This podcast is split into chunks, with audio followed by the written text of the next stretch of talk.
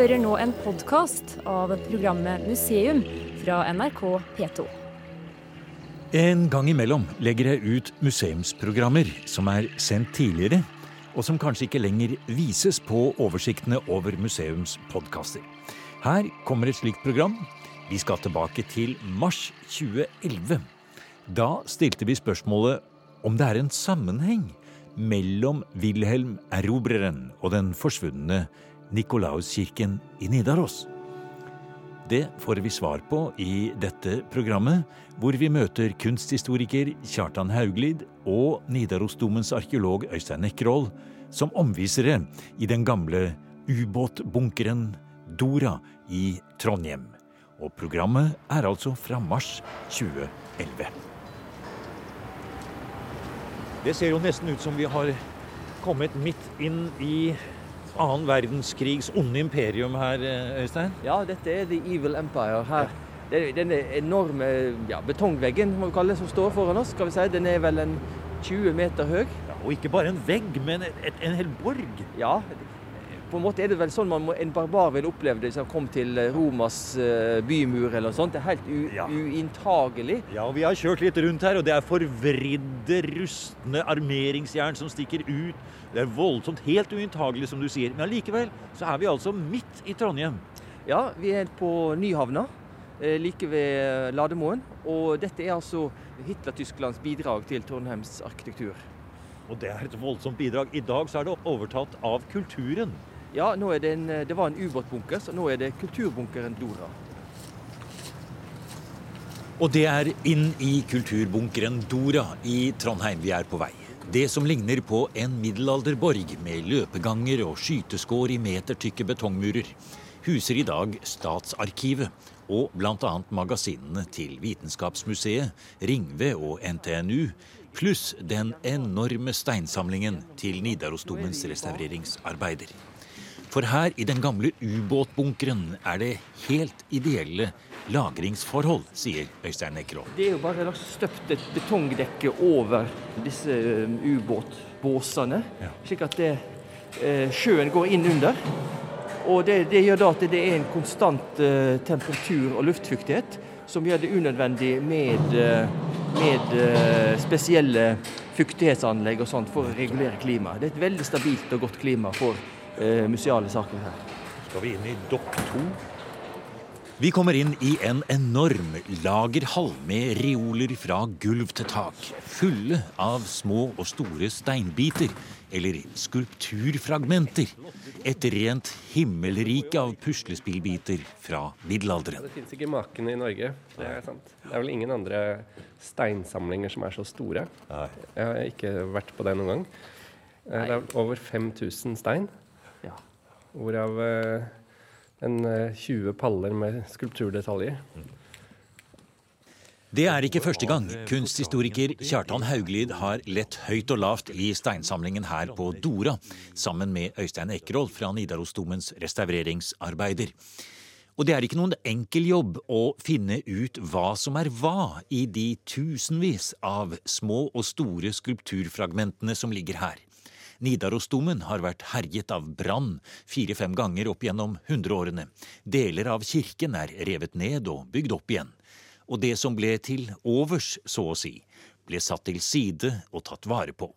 Sammen med biter fra enda eldre kirker, som nå er forsvunnet.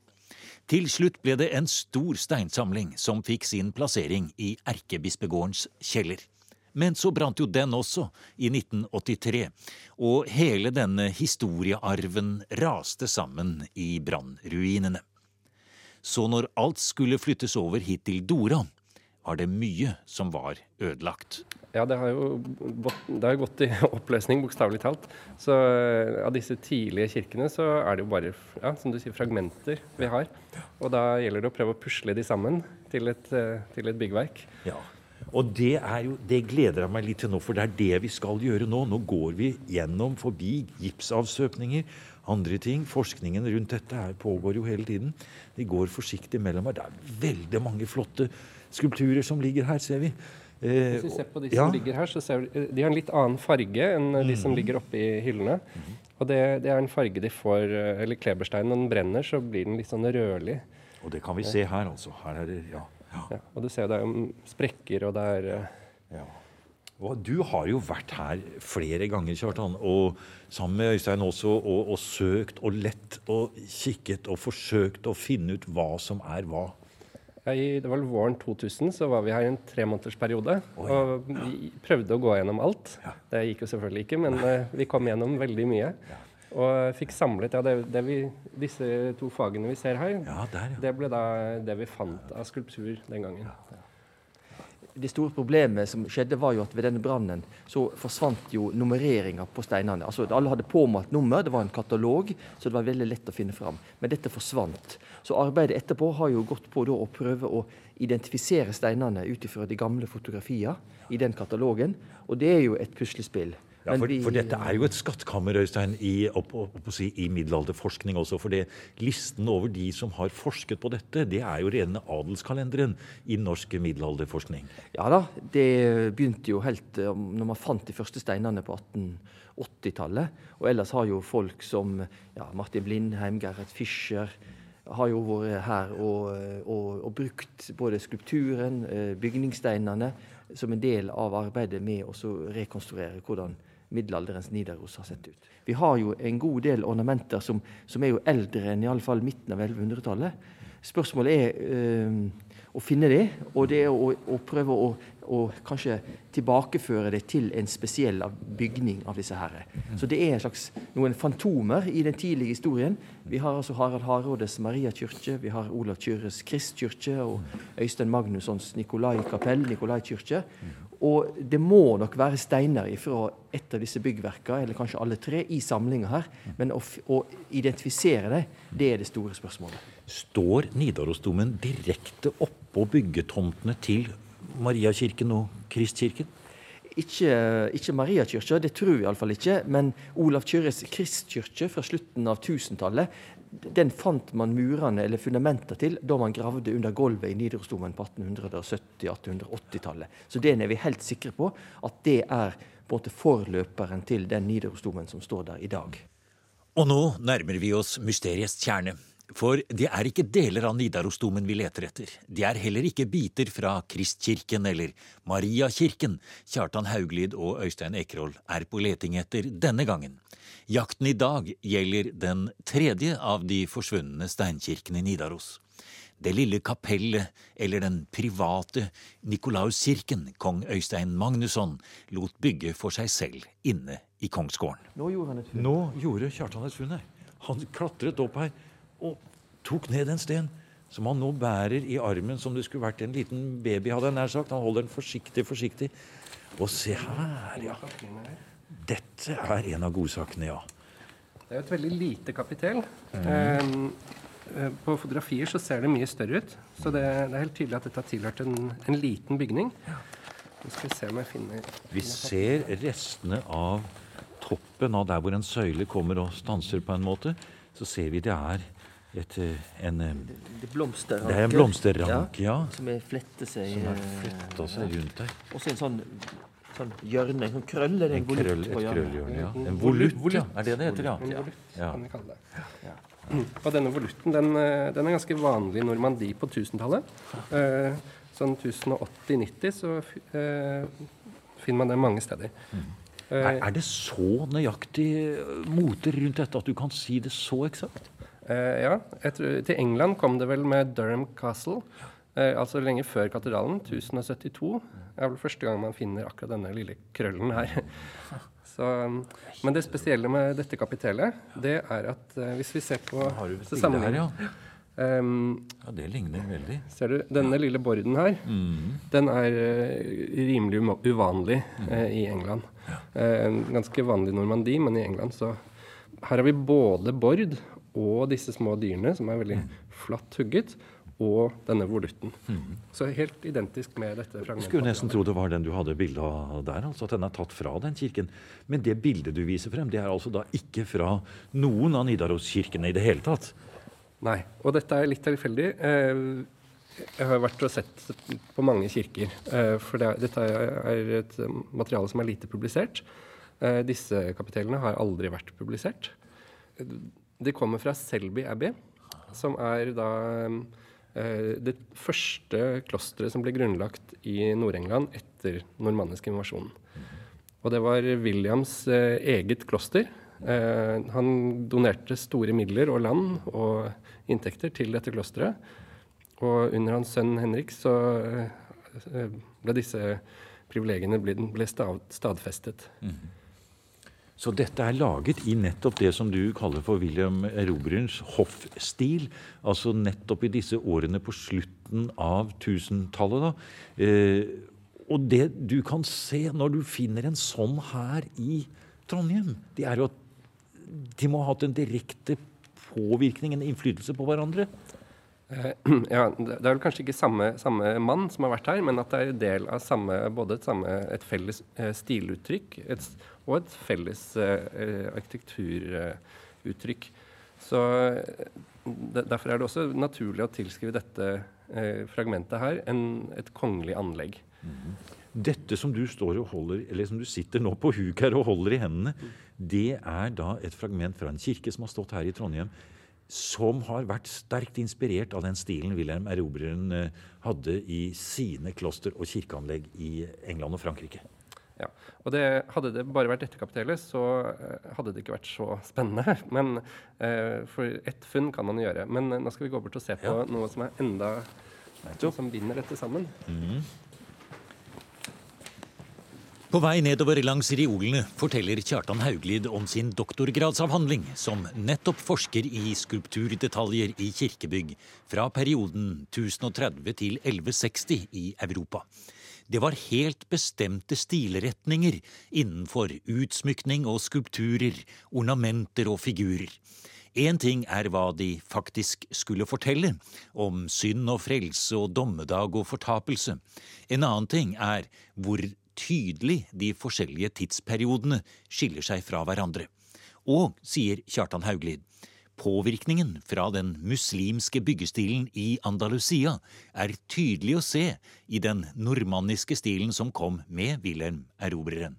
Og det, det, spesielle med denne normanniske stilen som, eh, som eh, Wilhelm eh, innfører, det er at den, den eneste utvendige skulpturesmykningen det er konsoller som dekorerer gesimsen. Og de konsollene de er ordnet som en frise. Man kan kalle det en konsollfrise. Som da løper rundt, uh, rundt hele gesimsen på bygningen. Forklar litt nærmere hva en konsoll er, så vi ser det for oss. Lag et lite bilde for oss nå, Kjartan. Ja, uh, For det første, det er jo bærende, et bærende element mm. som nærmest støtter opp Man kan tenke seg en sånn utstikkende bjelke. og det er jo mange som har trodd at det har opprinnelse i trearkitekturen. Men det er helt feil. fordi uh, utgangspunktet her går tilbake til uh, den store moskeen i Cordoba, Mesquita, hvor disse konsollene hadde en, først en innvendig bærende funksjon i form av sånne små ruller. Og, og, senere ble det brukt på gesimser. Og da er vi jo i muslimske byggverk? Ja, det er riktig. Og det spesielle her er at i forbindelse med Reconquista, da da de kristne gjenerobret Spania, så valgte de nettopp dette elementet som, som det viktigste arkitekturuttrykket. Så det vi går og leter etter her, disse spesielle konsollutformingene, disse rullekonsollene og andre ting som du skal forklare litt nærmere, de er direkte inspirert av islamsk arkitektur? Ja, der er det en helt direkte linje. Og eh, de tidlige eh, konsollene i Frankrike, som vi finner i f.eks. Vendôme i 1030 og i eh, eh, i Normandie på 1040-tallet, de er nærmest sånn blåkopier av disse kordobanske rullekonsollene. For her har vi kommet fram til en pall med brente skulpturfragmenter som vi ser ligger oppå hverandre. De er nummerert, og de ligger inntil her. Og her har du stanset, for dette er eh, av de tingene du vil se nærmere på. Dette er ja. Og her og se her, ja. Nå har altså Øystein eh, jekket opp, svinget den frem. Og nå ser vi disse runde, spesielle eh, Denne huggeteknikken som du har fortalt om tidligere. Beskriv den der, Kjartan. Ja, for det første, Dette er jo en, en konsoll, altså en bærende element, mm. eh, som eh, sannsynligvis har tilhørt av en utvendig konsollfrise. Og som vi ser, Dette er jo bare et fragment. Er, det er skallet av på, på begge sider. Mm. Den ene er en gammelskade, for det finnes en tegning fra 1888. Eh, og, og, det andre er da en skade fra 1983. Mm. Men, eh, og, og, det er en, og det er en middelalderskade her hvor, hvor det er et brudd her. Så her må man tenke seg at det har vært et dyrehode. Så det vi egentlig bare ser, er halsen til et dyr. Teknikken her er eh, Det er veldig høy teknisk utførelse. Veldig fint hugget. Hvis man ser her, det er sånne små, disse små rillene her. Så, og det er en dreining i disse linjene. Så sannsynligvis så har dette dyret eller hodet eh, vridd seg kanskje til en side. Det kan ha stukket utenfor selve steinen, eh, steinen her. Um, men det spesielle er disse rundlene, eller perlene, eller hva man skal kalle det. Det er to perlerader som går parallelt med hverandre inni et eh, annet bordmønster også. Og de har du funnet også flere andre steder, og det er en huggeteknikk som du har greit å, å finne igjen andre steder. Uh, ja, akkurat uh, Nå viser du fram et bilde her, ja. ja. Her har vi en konsoll fra Selby Abbey. Som, som, er bevart innvendig på, i tårnfoten så den har stått beskyttet for, for, vær og vind i, i 900 år. Mm. Og eh, på, hvis vi ser på drakten til denne ene figuren, så ser vi et sånt bånd som går nedover. Igjen, ja. Og det er akkurat de samme små rundlene, eller perlene, da. Så det, altså det du mener da, rett og slett, Kjartan, det er at steinhoggeren her han har vært på disse stedene, vært påvirket av denne stilen i nøyaktig denne perioden innenfor noen få år bare. Og, og når han da har fått oppdraget her i, i Nidaros om å utsmykke en kirke, så har han da tatt med seg disse inntrykkene fra Selby i, i Nord-Yorkshire. Uh, ja. Uh, og en mulig forklaring her kan jo være at det er et det er et større verksted i Yorkshire hvor, um, hvor i hvert fall da Trond, Trondheimsfragmentene og Selby at de har et felles utgangspunkt. Det er jo vanskelig å si at det er samme steinhugger. Man kan selvfølgelig mm. ønske det, men Men det er samme stil? Det er helt samme stil. Vi, vi det, er, ser, altså, det er vel kanskje å trekke det litt langt, men, men man ser altså en linje fra Wilhelm Erobrerens nye bygg i Nord-England og til de helt nye kirkebyggene som ble reist på samme tid her i Nidaros. Eh, ja, du kan si det sånn. Det er jo et interessant uh, spørsmål, det der med uh, I norsk historieforskning så har man hatt en tradisjon om at det, det tok så lang tid før impulsene kom fra f.eks. England eller Frankrike til Norge. At man snakket om det kunne ta en generasjon eller to. Men det vi nå ser, det er jo at det sannsynligvis hadde tatt veldig kort tid. Iallfall i denne perioden. For da var forbindelseslinjene helt åpne. Og det er snakk om bare veldig få års forsinkelse, i så fall, om i det hele tatt, før ting som ble lagd i Nord-England, fikk parallelle utgaver her, f.eks. I, i Trondheim. Men hvilken kirke kan dette ha vært, eh, Kjartan, som vi sitter og ser på restene kanskje fra her nå?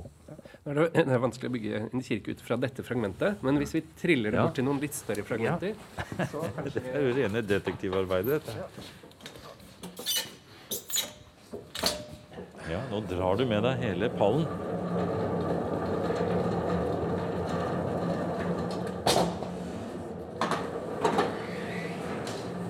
Hvis vi stopper omtrent her, ja. så ser vi disse profilerte steinene som ligger her nede. Ganske store eh, steiner med en sånn svak krumming. De har tilhørt en abside. Mm -hmm. Eller det er da et, et rundt utbygg, mm. eh, ofte da i øst, på en, eh, på en kirke. Og denne krummingen den er ganske svak. Um, men det var en arkitekt i 1880-årene som, som, tegnet disse veldig detaljert. Og han har slått passeren rundt, fulgt eh, krummingen og funnet ut at diameteren er ca. 5,5 meter. Jaha. Og det er for lite til Olav Kyrres kristkirke. Så det flere har tenkt, er at eh, disse har vært på en sideapside. Altså eh, ikke hoved eh, apsis i koret, men sideapsider. Mm. Og så Dette er, den, eh, dette er én gruppe fragmenter. Og den andre gruppen om jeg kaster litt her. Det er ganske tunge. Vær forsiktig nå. Og nå tar du fram Sankensdal. De sunkne stjerner. Ja. Forsenkede stjerner, eller ja. Star, det er også da veldig karakteristisk trekk for uh, Wilhelm Erobreren. Og i England finner vi det først på Chepstow Castle i, fra 1067. Vi setter oss ned litt og, og, og faktisk ja. Men Beundrer det, for det er utrolig flott. Men er det noen, er det noen buing på den, da? ja da, den har også samme buing. Eh, og det tidligere forskere har tenkt seg da, er at dette er deler av uh, sokkelen til en annen apse. Sånn at man har tenkt seg to apsider, eh, flankerende på hver side av koret, i Olav Kyrres gamle kristkirke. Eh, så, og sånn er også Olav Kyrres krist, den østre delen vært rekonstruert. Men det er ikke sikkert du er helt enig, det hører jeg på det. Nei, jeg er litt uenig. Fordi eh, disse, hvis vi ser på, tilbake Ja. til den første gruppen, Nettopp. det er en tydelig sokkel.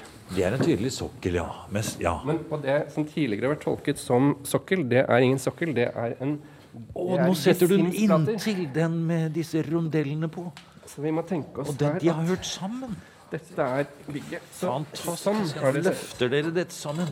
Og det fremstår Nå kommer det Du kan legge den, du kan legge den ned, for det skal under. Eh, ja, men dette er fronten.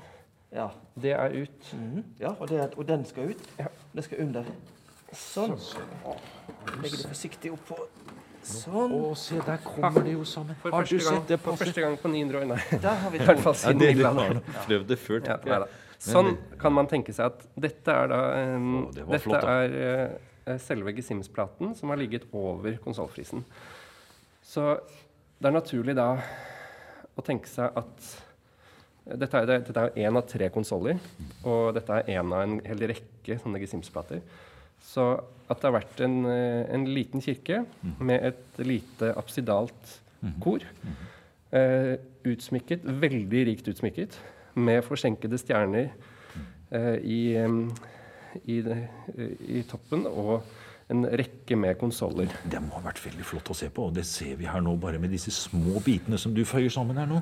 Så ser vi hvordan det, det er et veldig rikt eh, utsmykningskunstverk, dette her. Og det, det, det mener du da, Kjartan, det har ikke vært verken i Mariakirken eller i Kristkirken? Eh, nei, det er mye som tyder på at det er en tredje kirke. Og eh, da Snorre, Vi vet at Snorre var i Nidaros. Så hvis vi ser på sagatradisjonen, så eh, skriver han eh, i, etter besøket da i mellom 1218 og 1220 at eh, i Øysteins eh, kongsgård, som da var bygget av Harald Hårråde, så bygget Øystein en liten kirke som var rikt utsmykket. Eh, og han beskrev da ganske detaljert hvordan, hvordan denne var. Tidligere har man tenkt at dette var en trekirke, men eh, eh, vi vet at Øystein bygget steinkirker ellers. Og når han da bygget en rikt utsmykket kirke, så er det sannsynlig at det er en steinkirke. Vi har flyttet oss til skulpturutstillingen i Erkebispegården i Trondheim og truffet flere av kollegaene til Kjartan Hauglid og Øystein Ekerhold. De er samlet på grubleseminar og har allerede gått høyt og lavt på stillaset i oktogonen inne i Nidarosdomen. Nå er det de spesielle skulpturfragmentene i utstillingen her som gås etter i sømmene. Kan det være at også noen av disse steindelene stammer fra den lille Nikolauskirken kong Øystein Magnusson bygde, omtrent samtidig som halvbroren Sigurd Jordsalfar var i Jerusalem og møtte den overdådige kirkekunsten i Bysants. Her ser vi det andre hodet som blir funnet sammen med det øvrige fragmentmaterialet. Målet er identiske med det, den konsollen vi så på Dora i dag. Eh, hvis vi ser på sidene, så har han kraftige hjørnetenner. Inni munnen her så er det et lite menneskehode. Ikke helt en fortapt synder, kanskje. Eh, jeg er ikke helt sikker på arts-typen Men det er et dyrehode som sluker et menneske? Eh, sluker eller spyr ut. Eller spyr ut, kanskje? ja. ja, nei, Det kommer jo et ansikt, veldig tydelig ansikt til syne mellom tennene der. Så nå, hvis man ser på høyden her, så er den helt identisk med den konsollen vi så, den langhalsede. Så at disse hører sammen, er jeg mer og mer overbevist om. Man kan bli litt lurt av fotografiene, for der ser de så store og majestetiske ut. Men når man ser det her, så ser man at dette er, det er veldig, et veldig lite format som, eh, som passer sånn sett i et kapell eller en, eller en mindre kirke. Eh, dette har et veldig alderdom, alderdommelig preg med disse volutt, eh, eller snurrene her, som, eh, som er ganske vanlig i Normandie på, i andre halvdel av 1000-tallet. Eh, men da helt identiske både snurrer og eh, dyr finner vi da i den eldste delen av Selby, i tårnfoten der. Og så disse dyrene er nesten heraldiske i måten de er motstilt. De vrir seg rundt på en litt spesiell måte. Så hvis du skulle si at noe er hoffstilen til eh, Wilhelm Erobrerens eh, kirker og utsmykning, så er det dette? Uh, ja, i, i, av det bevarte materialet i Normandie så er det sånn det ser ut. Ja. Uh, men uh, der er det ikke så høy kvalitet på Og det henger jo sammen med at dette er et veldig fragmentarisk bevart materiale. Så man må litt opp i tid før man finner den kvaliteten i utførelsen. Så de har virkelig valgt på øverste hylle når de har eh, hentet inn eh, billedhuggere for å lage dette. Begynner etter hvert å få mange enkelte byggestener, bokstavelig talt, til Nikolauskirken? Ja, jeg er veldig glad i å bygge Lego, så dette er eh, legobygging på avansert legobygging. Uh, her er det nok hentet inn uh, høyt kvalifiserte steinhuggere. Uh, og om, om, de er, om, det var de samme som var i Selby, det er jo kanskje tvilsomt. Men de må antagelig ha sett det, i hvert fall? Ja, de har, At de har jobbet i det samme miljøet og til den samme tid. For dette var et veldig enhetlig miljø. Og, og steinskulptur var uforholdsmessig mye dyrere enn en mye annet. Så det var ikke noe Selv om det ble bygget mange kirker, så var det få av de som hadde utsmykning av så denne høye Så oppdragsgiveren rett og slett sier jeg vil ha utsmykning på samme måte som i Selby eller som i kirkene til Wilhelm Erode? Uh, ja, det er i hvert fall en argumentasjon som jeg prøver å føre i avhandlingen min. Da. At dette er tusentallets hoffstil. Mm. Du har nå hørt en podkast av programmet Museum fra NRK P2. Og send gjerne en e-post til museum nrk.no.